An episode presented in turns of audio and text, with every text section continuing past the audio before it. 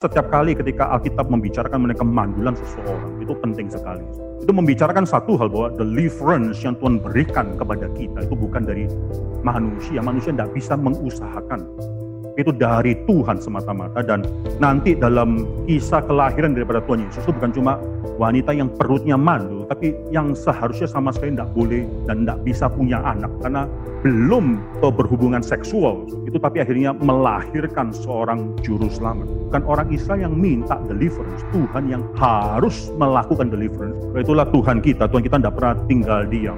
Tuhan kita mengetahui kondisi hidup kita. Dan kalau kita adalah umat Tuhan, Tuhan kita menggerakkan kita, mau tidak mau, ready, tidak ready, suka, tidak suka. Tuhan yang menggerakkan umat Tuhan.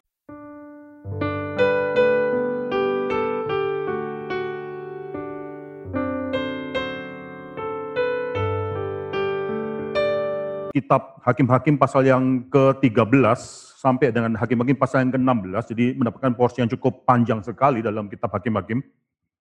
Hari ini kita tidak mungkin bisa membahas semuanya, saudara, tapi saya akan mengajak kita untuk membahas pasal yang ke-13, lahirnya Simpson, saudara. Ya, ini awal, dan mungkin saudara sudah mengetahui hidup daripada Simpson dan bagaimana dia mati. Ya, saya baca daripada pasal yang ke-13, ayat yang pertama, dan kita akan bertanggapan terus sampai dengan ayat yang terakhir, Lalu saya akan membacakan empat ayat pertama dari ayat pasal yang ke-14. Demikianlah firman Tuhan. Ya, Sim, uh, Hakim-Hakim pasal yang ke-13, lahirnya Simpson. Orang Israel melakukan pula apa yang jahat di mata Tuhan, sebab itu Tuhan menyerahkan mereka ke dalam tangan orang Filistin 40 tahun lamanya.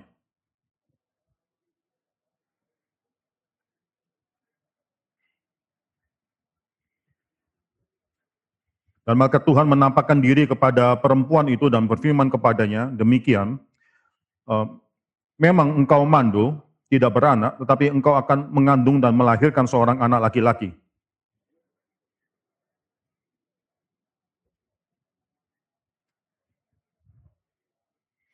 Sebab engkau akan mengandung dan melahirkan seorang anak laki-laki, kepalanya takkan kena pisau cukur, sebab sejak dari kandungan ibunya, anak itu akan menjadi seorang nasir Allah dan dengan dia akan mulai penyelamatan orang Israel dari tangan orang Filistin.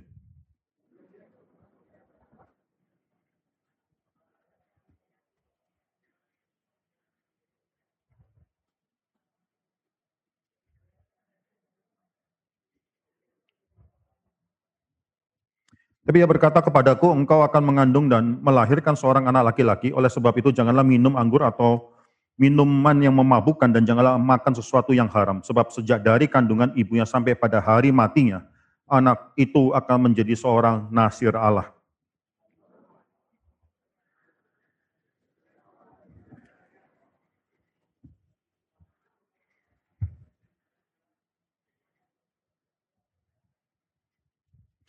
Maka Allah mendengarkan permohonan Manoah sehingga malaikat Allah datang pula kepada perempuan itu Ketika ia duduk di, pas, di padang dan ketika Manoa suaminya itu tidak ada bersama-sama dengan dia.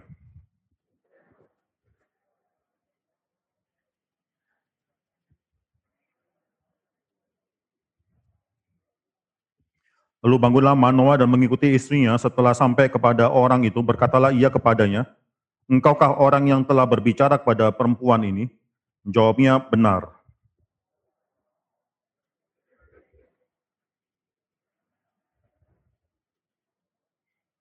Jawab malaikat Tuhan itu kepada Manoah, perempuan itu harus memelihara diri terhadap semua yang kukatakan kepadanya.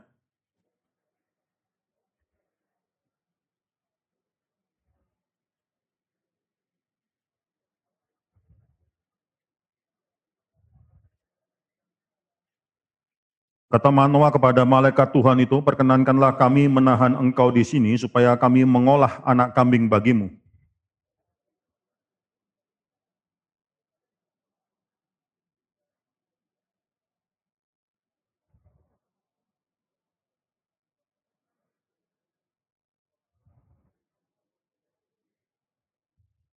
Kemudian berkatalah Manoah kepada malaikat Tuhan itu, siapakah namamu sebab apabila terjadi yang kukatakan, kau katakan itu, maka kami hendak memuliakan engkau.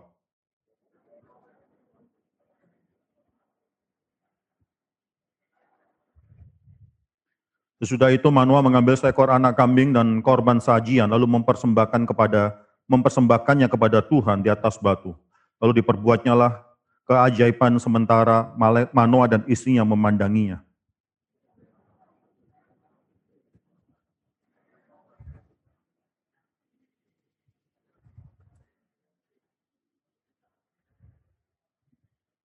Sejak itu malaikat Tuhan tidak lagi menampakkan diri, kepa eh, diri kepada Manoa dan istrinya, maka tahulah Manoa bahwa dia itu malaikat Tuhan.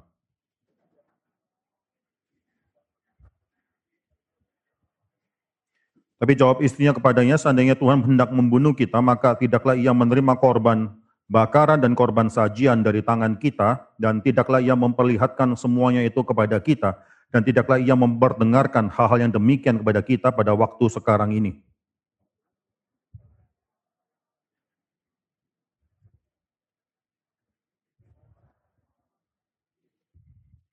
Mulailah hatinya digerakkan oleh roh Tuhan di Mahanedan yang terletak di antara Zora dan e, Esyato, Estau.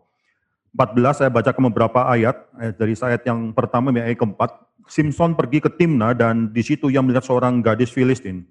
Ia pulang dan memper, memberitahukan kepada ayahnya dan ibunya, di Timna aku melihat seorang gadis Filistin, tolong ambillah dia menjadi istriku.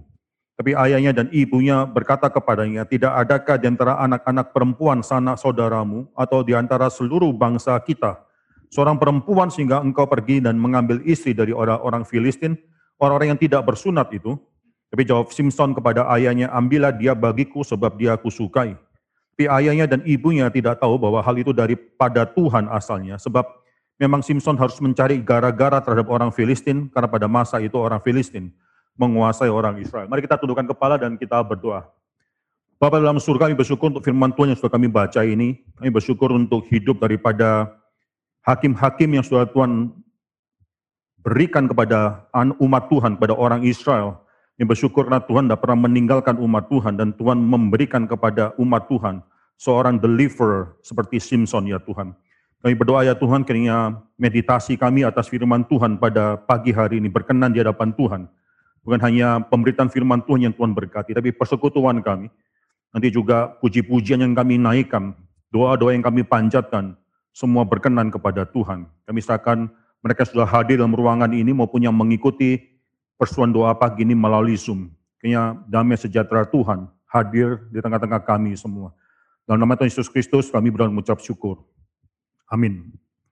So, perhatikan, saudara, uh, Samson, kisah daripada Samson, satu kisah yang demikian menarik ketika dia mati, saudara bisa melihat dalam uh, Hakim-Hakim pasal yang ke-16, yaitu dia ditangkap, dibutakan matanya, dicukur rambutnya sehingga dia kehilangan kekuatannya dan menjadi orang biasa saja.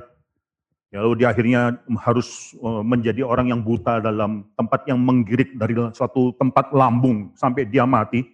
Lalu ketika dia mati, dia dibawa, dipertontonkan oleh orang-orang Filistin, oleh raja-raja kota-kota orang Filistin tersebut mempertontonkan dan mempermalukan Samson. Lalu akhirnya Samson tersebut, Simpson dalam bahasa Indonesia-nya, saudara itu akhirnya dalam kuil dago tersebut, pada hari di mana dia mati, Alkitab mengatakan jumlah orang Filistin yang dibunuh pada hari kematian dia itu melebihi seluruh daripada orang Filistin yang pernah dibunuh dalam hidup dia. Saudara. Luar biasa orang ini, saudara, dan saudara perhatikan dalam kisah uh, uh, Hakim-Hakim pasal yang ke-15, saudara, Hakim pasal yang ke-15 ayat yang ke-15 di sana dikatakan bahwa Simpson dengan kuasa daripada roh Tuhan itu menggunakan rahang daripada keledai untuk membunuh seribu. Hari itu saudara, seribu orang Filistin. Dan ini cuma satu kali saja, satu kali pembunuhan yang dilakukan oleh Simpson. Itu akhirnya di akhir hidup dia, dalam kematian dia, dia membunuh lebih banyak daripada itu. Dalam satu waktu saja, itu banyak sekali orang orang penting, bahkan orang-orang penting, orang Filistin juga mati di kuil tersebut, saudara. Saudara, hidup Samson itu banyak yang bisa kita ceritakan bagaimana dia tidak setia, bagaimana akhirnya dia membocorkan rahasia dia. Dia adalah seorang yang sudah menjadi nasir sejak di dalam kandungan. Bahkan ibunya mengatakan bahwa dia akan menjadi nasir dari kandungan sampai hari matinya. Tapi pada akhirnya dia membocorkan rahasia tersebut.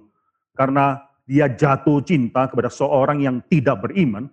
Nah, kalau saudara perhatikan, saudara, saudara perhatikan dalam um, ya Hakim-Hakim pasal yang ke-16. Saudara, dalam Hakim pasal yang ke-16 di sana, mengenai bagaimana Simpson mencintai Delilah dan sampai akhirnya membocorkan rahasia kepada Delilah. Itu kisah yang menarik sekali. Ya, Delilah ketika pertama kali bertanya kepada Simpson, apa rahasia daripada kekuatanmu? Simpson ngeles, saudara kasih alasan yang ini rahasianya. Lalu Delilah menghadirkan tentara Filistin setelah melakukan sesuatu untuk akhirnya dipikirnya itu bisa mengurangi kekuatan daripada Simpson. Tapi saudara itu ketika Simpson bangun dan dia melihat orang-orang Filistin tersebut, tetap akhirnya saudara setelah kekuatannya masih belum hilang, pada saat-saat berikutnya itu berkali-kali, saudara lihat dalam Hakim-Hakim pasal 16 itu mengagetkan sekali. Kenapa kok Simpson mau masih terus percaya kepada si Delilah ini, saudara. Sampai akhirnya dia membocorkan rahasia itu rambut yang tidak pernah dipotong, yang tidak pernah cuk, menyentuh, cukur-cukur tidak pernah menyentuh rambutnya tersebut adalah rahasia daripada kekuatannya dia. Delilah mengetahui hal tersebut dan akhirnya Simpson ditangkap.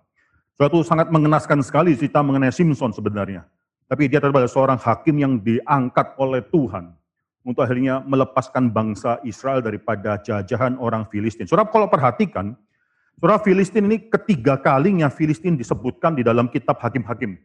Pertama kali disebutkan adalah Hakim-Hakim pasal yang ketiga. Kalau kita coba lihat Hakim-Hakim pasal yang ketiga, ayat yang ke-31, itu pertama kali Simpson atau maaf, um, Filistin disebutkan.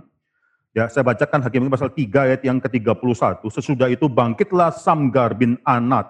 Yang men, ini bukan orang Israel, saudara, yang menewaskan orang Filistin dengan tongkat penghalau lembu, 600 orang banyak, luar biasa orang ini juga. Demikian ia juga menyelamatkan orang Israel, saudara. Itu pertama kali, kedua kali saudara bisa melihat dalam Hakim-Hakim pasal yang ke-10, saudara. Ini bagian sudah dibacakan minggu lalu, saudara. Saya bacakan dari ayat yang ketujuh. Dan bangkit pula, bangkitlah murka Tuhan terhadap orang Israel dan ia menyerahkan mereka ke dalam tangan orang Filistin dan Bani Amon. Bisa melihat bagaimana antar pasal 10 dan selanjutnya itu membicarakan akhirnya orang Israel itu dilepaskan daripada Bani Amon, tapi Filistin itu tidak disebutkan. Tuhan menyerahkan orang Israel kepada orang Filistin dan juga orang Bani Amon tersebut. Bani Amon itu akan menjajah atau mengopres, menekan orang-orang Israel itu di sebelah uh, timur daripada sebelah timur daripada Sungai Yordan. Bani orang Filistin ini akan menjajah orang uh, orang Israel itu di sebelah barat daripada Sungai Yordan atau yang kita kenal saat ini West Bank, saudara. Dan tidak ada kaitannya antara orang Filistin dan Palestina dan tidak perlu kita mengkait-kaitkan kesulitan atau pertikaian antara orang Israel dan uh, Palestina pada saat ini itu dengan Alkitab Israel dan Filistin. Tidak ada hubungannya orang Filistin pada saat itu dan orang Palestina pada saat ini tidak ada hubungannya.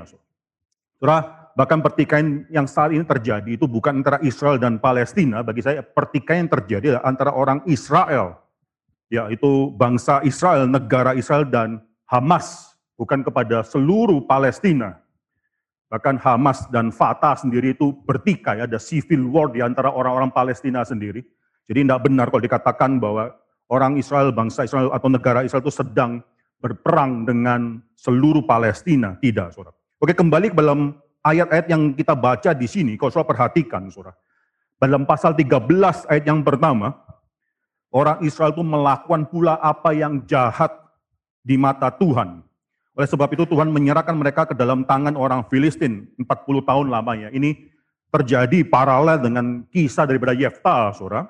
Dan saudara bisa melihat di sini itu bukan cuma apa yang jahat di mata Tuhan saja. Setiap kali keluar kalimat apa yang jahat di mata Tuhan itu dalam bahasa aslinya, bahasa Hebrew-nya itu apa yang kejahatan itu, itu ada partikel the, the evil. That evil, orang Israel melakukan kejahatan itu lagi di mata Tuhan. Jadi that specific evil.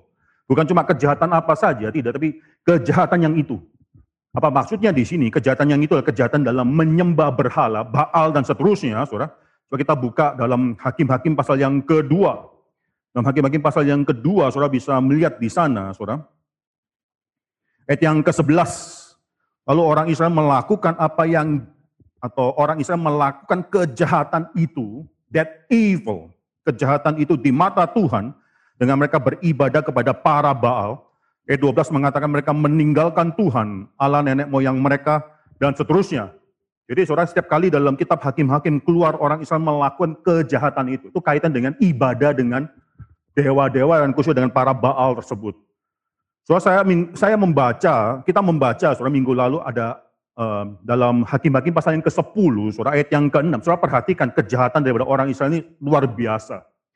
Hakim-Hakim pasal yang ke-10 ayat yang ke-6, saya bacakan bagi saudara, orang Israel itu melakukan pula kejahatan itu di mata Tuhan, dengan cara apa? Mereka beribadah kepada para Baal dan para Ais, um, Aistoret, saudara, kepada para Allah orang Aram, para Allah orang Sidon, para Allah orang Moab, para orang Bani Amon dan para Allah orang Filistin. Saudara itu kejahatan politeisme, di mana orang Israel akhirnya menyembah kepada banyak ilah yang lainnya sebenarnya bukan ilah. Itu kejahatan dari politeisme, tapi tidak berhenti sampai di sana. Kejahatan pada orang Israel itu bukan cuma menyembah banyak ilah-ilah yang sebenarnya bukan Tuhan.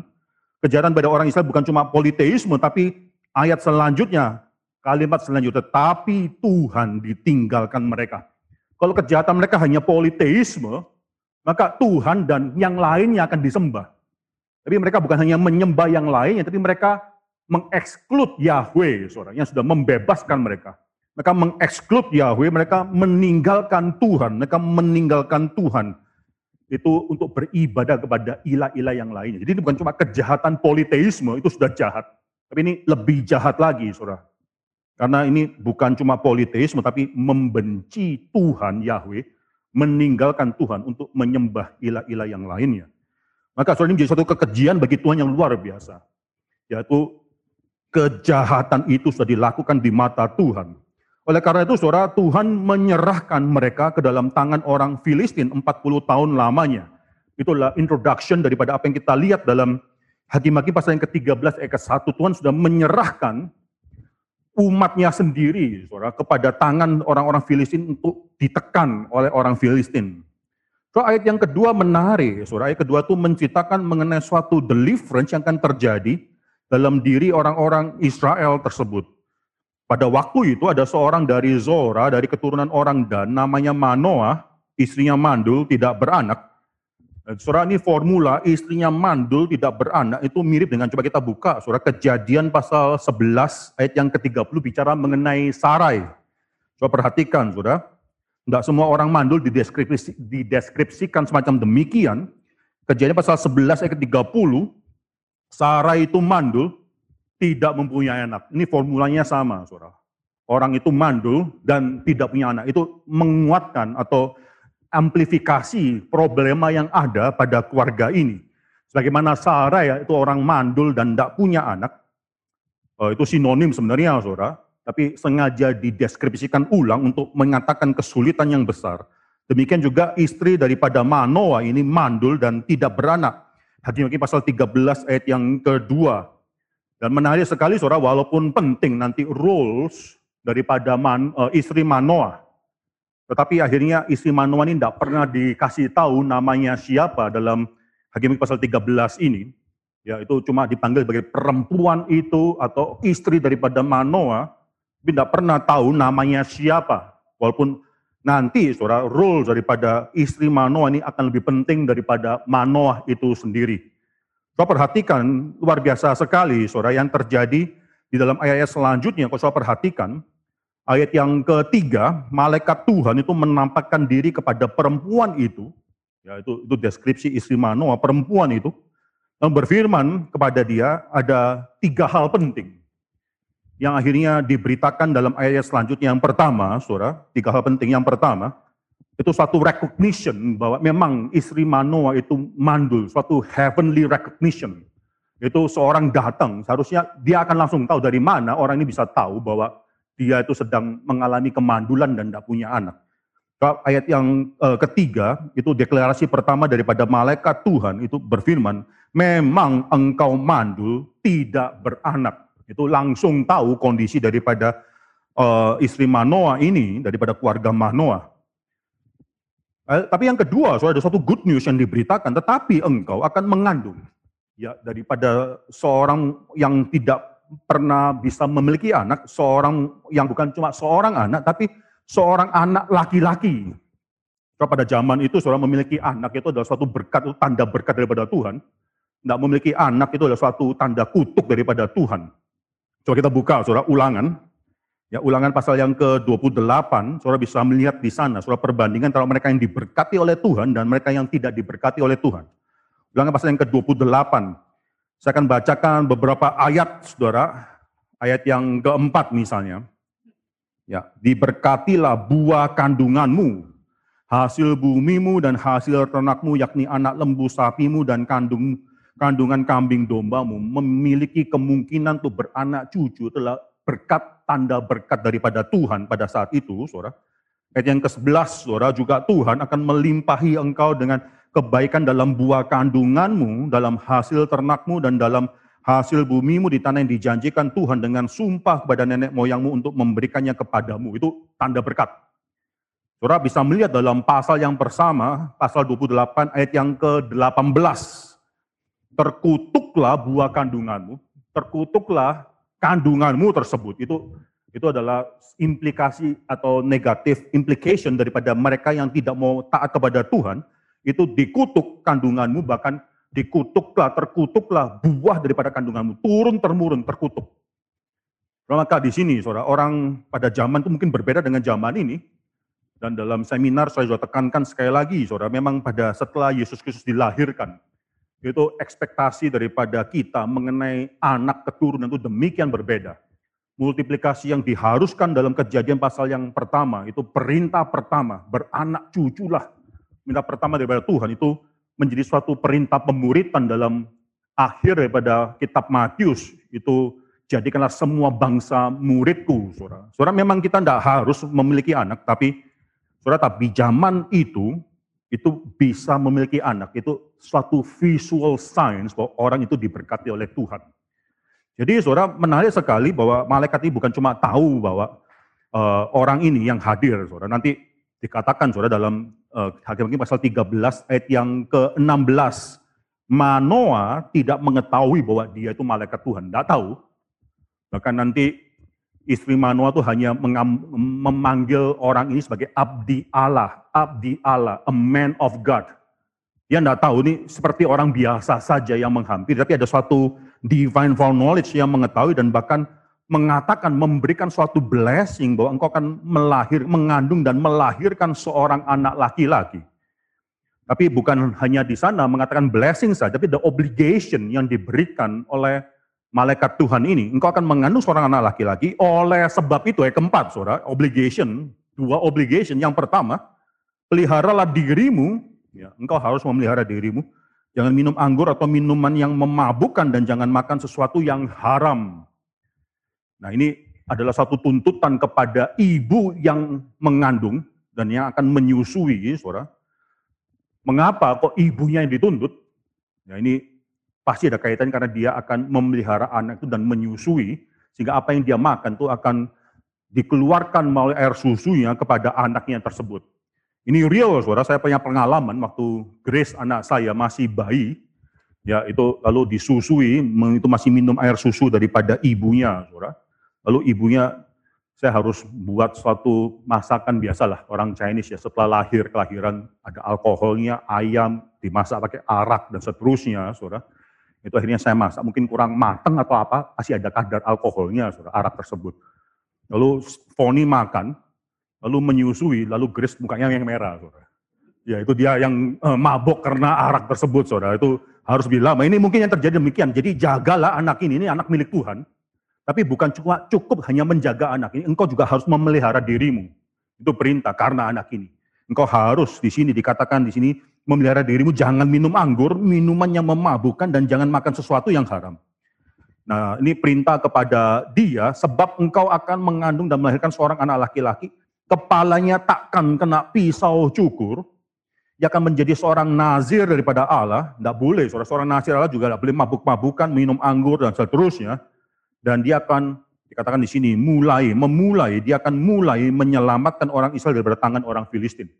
Saudara, ini tiga hal penting yang, maaf saudara, ini dua hal penting yang dikatakan. Yang ketiga adalah, ini bukan Samson, Simpson yang voluntary mau menjadi nasir Allah, tapi Tuhan yang menunjuk bahwa dia adalah nasir Allah.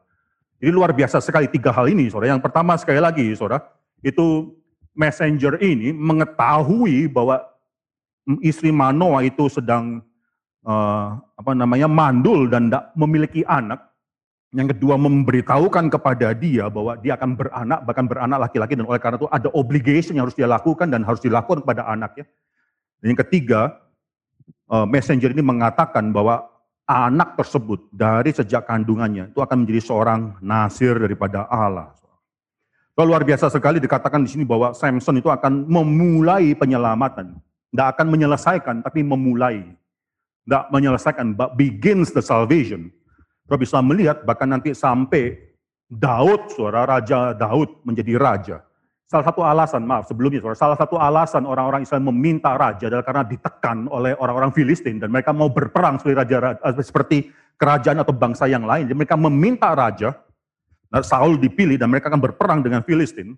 Tapi nanti akhirnya Filistin baru dikalahkan once and for all itu pada zaman Raja Daud, saudara. Jadi Sam Simpson ini tidak akan menyelesaikan keselamatan bagi orang Israel tersebut. Dia akan memulai suatu pekerjaan keselamatan orang Israel daripada tangan orang Filistin. Ini diberitahukan kepada istri Manoah. Saudara perhatikan, saudara istri Manoah lalu akhirnya bertemu dengan Manoah dan mengulangi apa yang dikatakan oleh si pengantara tersebut, messenger tersebut, dalam ayat yang ketujuh. Saudara ayat ketujuh saya bacakan, tetapi ia berkata kepadaku, engkau akan mengandung dan melahirkan seorang anak laki-laki. Oleh sebab itu janganlah minum anggur atau minum yang memabukkan dan janganlah makan sesuatu yang haram. Sebab sejak hari kandungan ibunya sampai pada hari mati, anak itu akan menjadi seorang nasir Allah. Saudara, ada satu hal yang penting di sini. Si istri Manoah ini menghilangkan, saudara bandingkan, saudara perkataan daripada malaikat tersebut kepada istri Manoah dan perkataan istri Manoah kepada Manoah. Bandingkan ayat ketiga, ayat kelima dengan ayat yang ketujuh. Maka saudara bisa melihat bagaimana istri Manoah itu remove semua referensi mengenai divine foreknowledge yang dimiliki oleh orang ini. Saudara, ini adalah dipanggil oleh seorang abdi Allah. Ayat yang keenam, saudara. Istri Manoah mengenalnya adalah manusia, a man of God. Seorang abdi Allah, tapi abdi Allah, dia remove suatu pengetahuan divine yang dimiliki oleh orang ini mengenai kondisi hidup dia. Dia tidak katakan kepada Manoah sama sekali. Yang dia katakan adalah langsung bahwa dia akan mengandung. Mungkin itu adalah satu pengharapan daripada yang demikian lama bahwa dia bisa mengandung. Maka ketika dia dikatakan bahwa dia akan mengandung, tuh sukacita ini langsung diberitahukan kepada suaminya bahwa dia akan mengandung. Itu menekankan blessing, tapi tidak menekankan siapa yang mengatakan blessing tersebut. Atau natur orang yang berbicara atau mengatakan blessing tersebut. Dia hanya mengatakan bahwa dia akan mendapatkan seorang anak. Itu dia remove semua referensi kepada orang yang memberitahukan mengenai orang mengenai hal ini. Kok bisa dia mengetahui mengenai kondisi hidupku? Itu nggak dikatakan di sini. Kita bisa melihat hal yang lain lagi, saudara. Bagaimana itu kalau saudara perhatikan kata-kata daripada istri Manoa, soal cukur nggak boleh kena rambut daripada anaknya itu nggak dibicarakan sama sekali, saudara.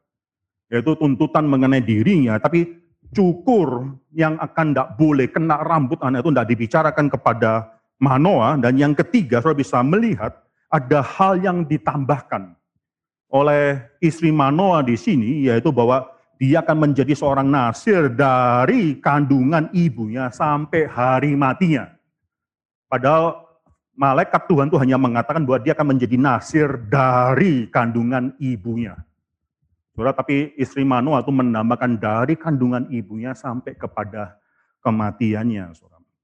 Saudara, saya tidak akan banyak bicara mengenai ayat-ayat selanjutnya di sini, saudara, tapi dalam ayat ke-24 terjadilah apa yang dinasarkan atau yang dinubuatkan tersebut, maaf, yang dinubuatkan tersebut, lalu perempuan itu ada empat hal, melahirkan seorang anak laki-laki sesuai dengan apa yang dinubuatkan, memberi nama Simpson kepada kepadanya, saudara, arti Simpson itu uh, mungkin, saudara, salah satu pengertian daripada arti Simpson adalah uh, cahaya daripada matahari, saudara Ya, nanti ini menarik mengapa kok Simpson dianggap atau diberi nama Simpson oleh ibunya. Yang ketiga, saudara itu dia menjadi besar, anak itu akan menjadi besar, dan yang keempat, Tuhan memberkati dia. Dalam waktu yang sangat singkat sekali diceritakan mengenai hal tersebut. Saudara, apa yang mau diajarkan oleh Alkitab di sini, perikop ini kepada kita semua. Yang pertama, saudara bisa melihat bahwa dosa daripada orang Israel itu semakin lama semakin besar. Bukan hanya sekali lagi dikatakan di sini bahwa mereka melakukan kejahatan itu, bukan hanya itu saja. Kalau saya perhatikan, saudara, Di dalam perikop ini tidak ada teriakan orang Israel minta deliverance, tidak ada. Berbeda dengan hakim-hakim yang lain, yaitu orang Israel berteriak kepada Tuhan, itu ada crying out. Tapi dalam perikop ini, saudara tidak melihat ada crying out kepada Tuhan. Orang Israel cuma dikatakan bahwa mereka sudah dijajah di bawah tangan orang Filistin selama 40 tahun, and yet saudara tidak melihat mereka berteriak kepada Tuhan. Apa yang terjadi di sini, saudara, ada komentator yang mengatakan mungkin saudara mereka sudah accustomed to terhadap oppression ini. Bahkan suatu hal yang sangat menarik sekali kalau saudara perhatikan dalam hakim-hakim pasal yang pertama, ayat yang pertama. Yehuda itu demikian powerfulnya. Saya bacakan hakim-hakim pasal yang pertama, ayat yang pertama dan yang kedua. Sesudah Yosua mati, orang Israel bertanya kepada Tuhan, siapakah daripada kami yang harus lebih dahulu maju menghadap orang Kanaan untuk berperang melawan mereka. Firman Tuhan, suku Yehuda lah yang harus maju. Sesungguhnya telah kuserahkan negeri itu ke dalam tangannya dan suku Yehuda nanti maju dan mendapatkan bagian daripada pusakanya tersebut. Tapi saudara di dalam kisah Simpson ini suku Yehuda itu sudah jadi lunak saudara. Kekuatan mula-mula tersebut sudah hilang. Setelah lebih dari 250 tahun masuk dalam tanah kanaan, itu kekuatan dan eagerness untuk akhirnya bisa berperang bagi Tuhan itu sudah sudah sudah, sudah hilang, sudah pudar. Dari mana kita tahu? Coba kita buka ke Hakim-Hakim pasal 15. Masih berkenaan dengan Simpson, ayat yang ke-9, Saudara. Ya. Hakim pasal 15 ayat ke-9 Saudara bisa melihat di saya bacakan sampai ayat ke-13. Saudara perhatikan di sini. Lalu majulah orang Filistin dan berkemah di daerah Yehuda serta memencar ke Lehi. Berkatalah orang-orang Yehuda, "Mengapa kamu maju menyerang kami?" Lalu jawab mereka, kami maju untuk mengikat Simpson dan memperlakukan dia seperti dia memperlakukan kami. Kemudian turunlah 3.000 orang dari suku Yehuda, bukan untuk memerangi orang Filistin, tapi turun 3.000 orang ke gua di gunung batu Etam dan berkata kepada Simpson, Tidakkah kau ketahui bahwa orang Filistin berkuasa atas kami? Apakah juga yang telah kau perbuat terhadap kami? Tapi jawabnya kepada mereka, seperti mereka memperlakukan aku, demikianlah aku memperlakukannya mereka. Kata mereka kepadanya, kami datang ke sini untuk mengikat dan menyerahkan engkau ke dalam tangan orang Filistin dan seterusnya. Kau bisa melihat ini bahkan orang suku yang paling garang mula-mula dalam hakim-hakim menjadi demikian lunak tunduk kepada orang-orang Filistin. Apalagi suku-suku yang lainnya. Saudara, bisa melihat oleh karena itu saudara tidak ada teriakan daripada orang-orang orang-orang Israel. Karena orang-orang Israel mungkin sudah membiasakan diri untuk akhirnya dijajah oleh orang-orang Filistin dan well, what can you do? Inilah mungkin hidup kita, kita harus hidup damai bersama dengan mereka. Ketika Samson dipakai oleh Tuhan untuk akhirnya menghajar orang Filistin, mereka mempersalahkan dan ingin menangkap Simpson untuk akhirnya diberikan kepada orang-orang Filistin. Ini ini luar biasa. Saudara yang hal lainnya saudara bisa melihat di sini, perhatikan Manoa, introduction daripada Manoa, pada waktu itu ada certain man, gak dikasih tahu namanya siapa. Saudara perhatikan, a certain man dari Zora, saudara keturunan orang Dan, itu sebenarnya a clan of Dan. Saudara, mengapa a clan of Dan bukan a tribe of Dan? Bukan suku Dan, tapi keturunan dari orang Dan, atau a clan. Mengapa satu suku Dan itu dipanggil sebagai suatu clan? Saudara, ini menunjukkan suatu hal lagi di mana secara implisit saudara bisa melihat Bagaimana Manoa ini dijabarkan itu dengan suatu hal yang memang sangat-sangat lemah penjabaran nama dia. Ya, ini cuma daripada orang keturunan orang dan saja. Soal kita buka, saudara, hakim-hakim pasal yang pertama, saudara bisa melihat dalam hakim-hakim pasal pertama, kalau saya tadi baca dari ayat yang pertama, itu saudara bisa melihat kegarangan daripada suku Yehuda dalam merebut tanah untuk dia. Tapi satu persatu Ya, itu dikatakan mula-mula suku Yehuda itu berhasil menghalau orang-orang di sana sehingga dia mendapatkan porsi bagian tanahnya. Tapi satu persatu itu mulai terbalik. Uh, satu persatu tadi menghalau, lalu nanti mulai ada turning point, yaitu orang-orang atau orang-orang Kanaan tinggal bersama-sama dengan mereka, tidak berhasil menghalau semua. Sampai nanti kalau saya perhatikan dalam Hakim-Hakim pasal yang pertama, saudara, ayat yang ke-31, itu terjadi suatu turning point lagi, suku Asyir tidak menghalau penduduk-penduduk Sidon, serta Ahlab, Aksib, Helba, Afek, dan Rehob, sehingga orang Asyir diam di tengah-tengah mereka. Kebalik, saudara. Ini turning point. Jadi menghalau, kemudian turun, itu orang-orang kanan tinggal bersama-sama dengan mereka. Tapi sekarang suku Asyir itu sekarang tinggal di tengah-tengah orang kanan, kebalik. Terakhir saudara, ayat yang ke-33, suku Naftali, eh, maaf 34, ini turning point yang berikutnya, orang Amori mendesak Bani Dan ke sebelah pegunungan, tidak membiarkan mereka turun ke lembah. Bani Dan itu tidak berhasil merebut tanah pusakanya. Bukan cuma akhirnya orang-orang mereka tinggal di dalam di dalam di tengah-tengah orang Kanaan, tapi Bani Dan ini tidak berhasil merebut tanah pusakanya. Mereka yang dihalau, saudara. Mereka yang dihalau oleh orang-orang lokal di sana.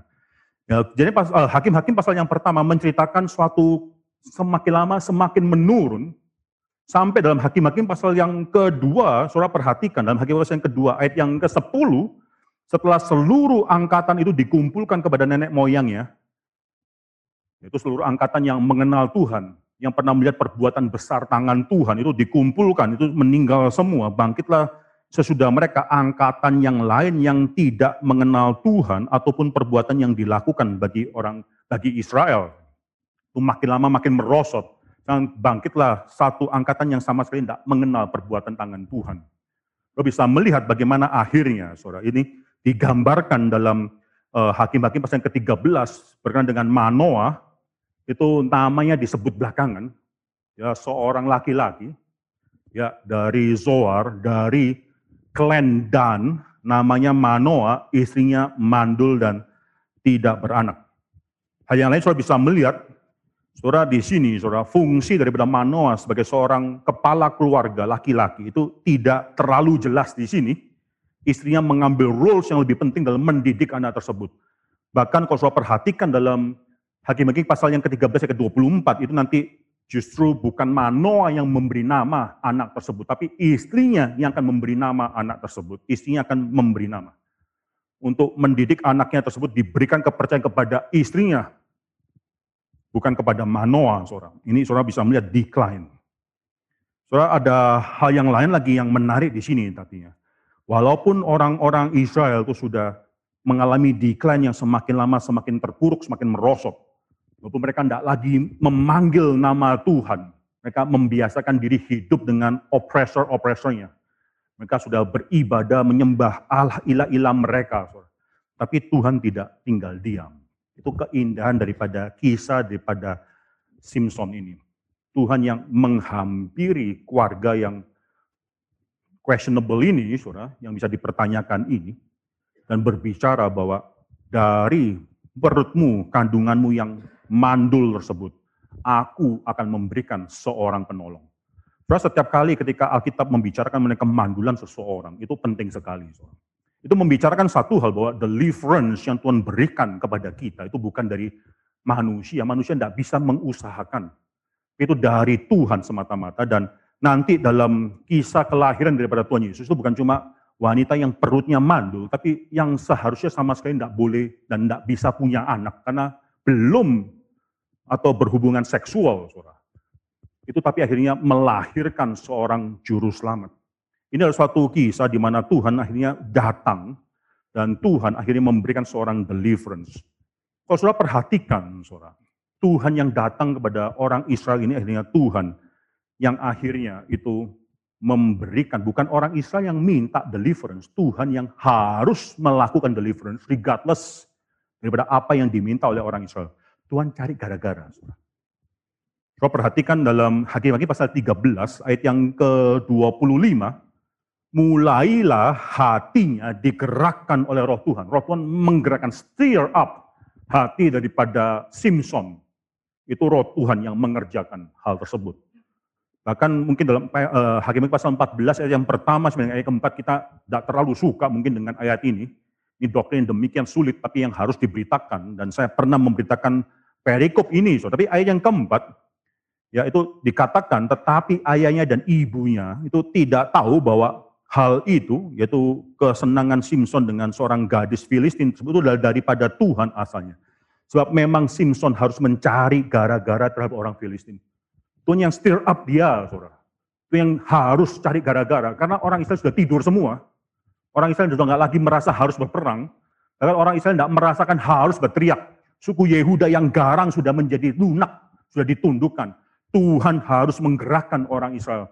Dan pada saat ini, saudara, kalau saudara bisa melihat dalam Hakim ini pasal 14 ayat ke-1 dan seterusnya, itu cara Tuhan, cari gara-gara supaya orang Israel dan orang Filistin harus berperang. Tuhan menggerakkan mereka. Tuhan menggerakkan mereka. Luar biasa. Karena itulah Tuhan kita. Tuhan kita tidak pernah tinggal diam. Tuhan kita mengetahui kondisi hidup kita. Dan kalau kita adalah umat Tuhan, Tuhan kita menggerakkan kita. Mau, tidak mau, ready, tidak ready, suka, tidak suka. Tuhan yang menggerakkan umat Tuhan. Di sini, saudara, Tuhan menggugah. Ada suatu hal yang indah yang akan terjadi. Ini sudah mulai kelihatan dalam eh, Hakim-Hakim pasal 13. Orang Israel akan mengenal Tuhan kembali. Orang Israel akan percaya kepada Tuhan kembali. Saya bisa melihat ada suatu pertumbuhan rohani. Kalau bisa boleh dikatakan demikian, dari Manoa dan istrinya.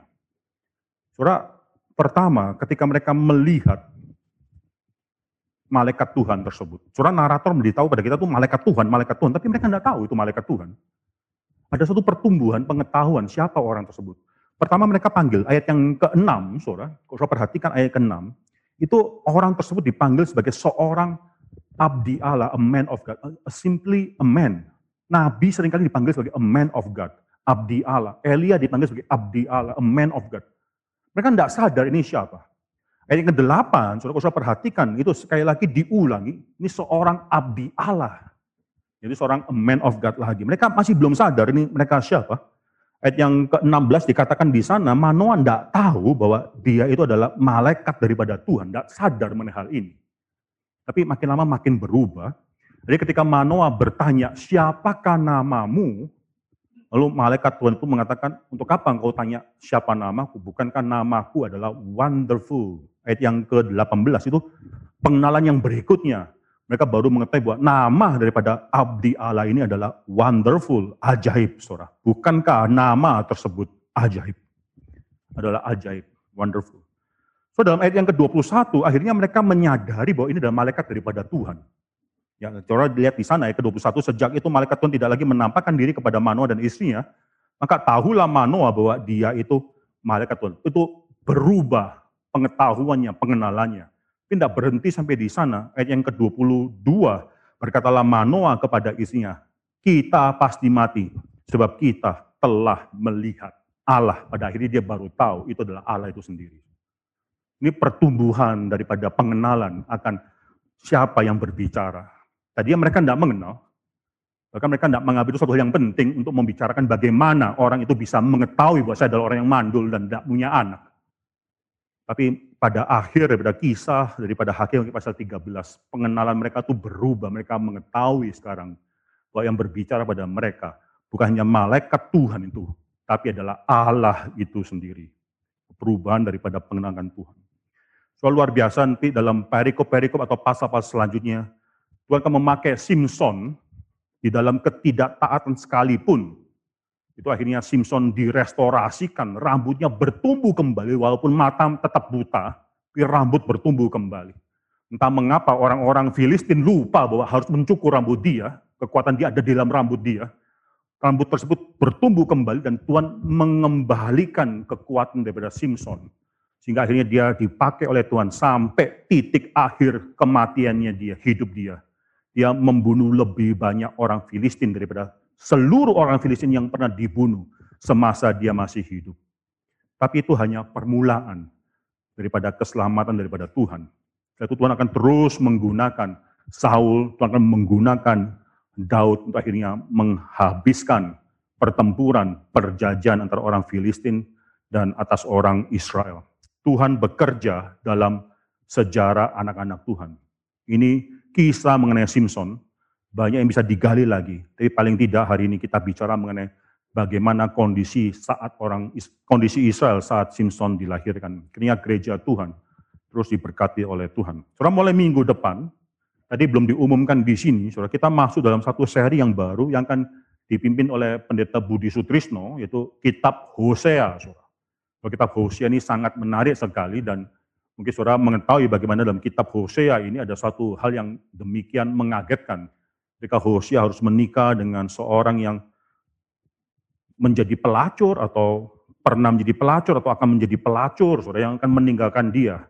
Itu nanti akan dibicarakan kitab Hosea dalam sembilan minggu, bulan sembilan minggu, ya bulan Juni dan bulan Juli, soal itu akan dibicarakan oleh pendeta Budi Sutrisno. Kita berdoa untuk uh, doa kita, kiranya Tuhan memberkati persekutuan doa kita. Mari kita tundukkan kepala kita berdoa. Bapak dalam surga kami bersyukur ya Tuhan karena Tuhan adalah Tuhan yang tidak pernah meninggalkan umat Tuhan. Umat Tuhan tuh bisa lupa kepada janji Tuhan.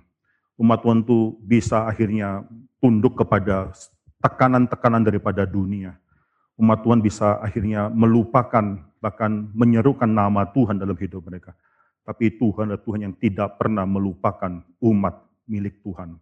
Kami bersyukur karena dalam hidup daripada gereja, daripada umat Tuhan, Tuhan terus menerus setiap saat membuktikan bahwa Tuhanlah yang memberikan pelepasan, bahwa Tuhan yang bekerja, bahwa dalam hidup kami, kami tidak mungkin hidup manusia tak mungkin bisa mengusahakan atau menghasilkan keselamatan kami sendiri. Kami bersyukur untuk hidup daripada Simpson, dengan Tuhan memakai orang ini ya Tuhan, dari sejak lahirnya sampai matinya. Orang yang akhirnya membunuh musuh-musuh daripada Tuhan. Dan Tuhan memakai justru dalam kematian dia lebih besar daripada seluruh hidup dia. Kami bersyukur karena Tuhan adalah Tuhan yang hidup. Kami menyerahkan gereja ini dalam tangan Tuhan dan segala pergumulan yang dimiliki oleh anak-anak Tuhan baik di ruangan ini maupun di rumah mereka masing-masing. Tuhan mengenal hati dan pergumulan kami masing-masing. Ya Tuhan dalam pergumulan kami mengikuti Tuhan, kiranya Tuhan terus dipermuliakan dan kami yang mengetahui bahwa janji Tuhan yang sudah digenapkan tersebut, nah kami akhirnya bisa memperjuangkan kemuliaan Tuhan. Kami serahkan semua dalam nama Tuhan Yesus Kristus kami berdoa dan mengucap syukur. Amin.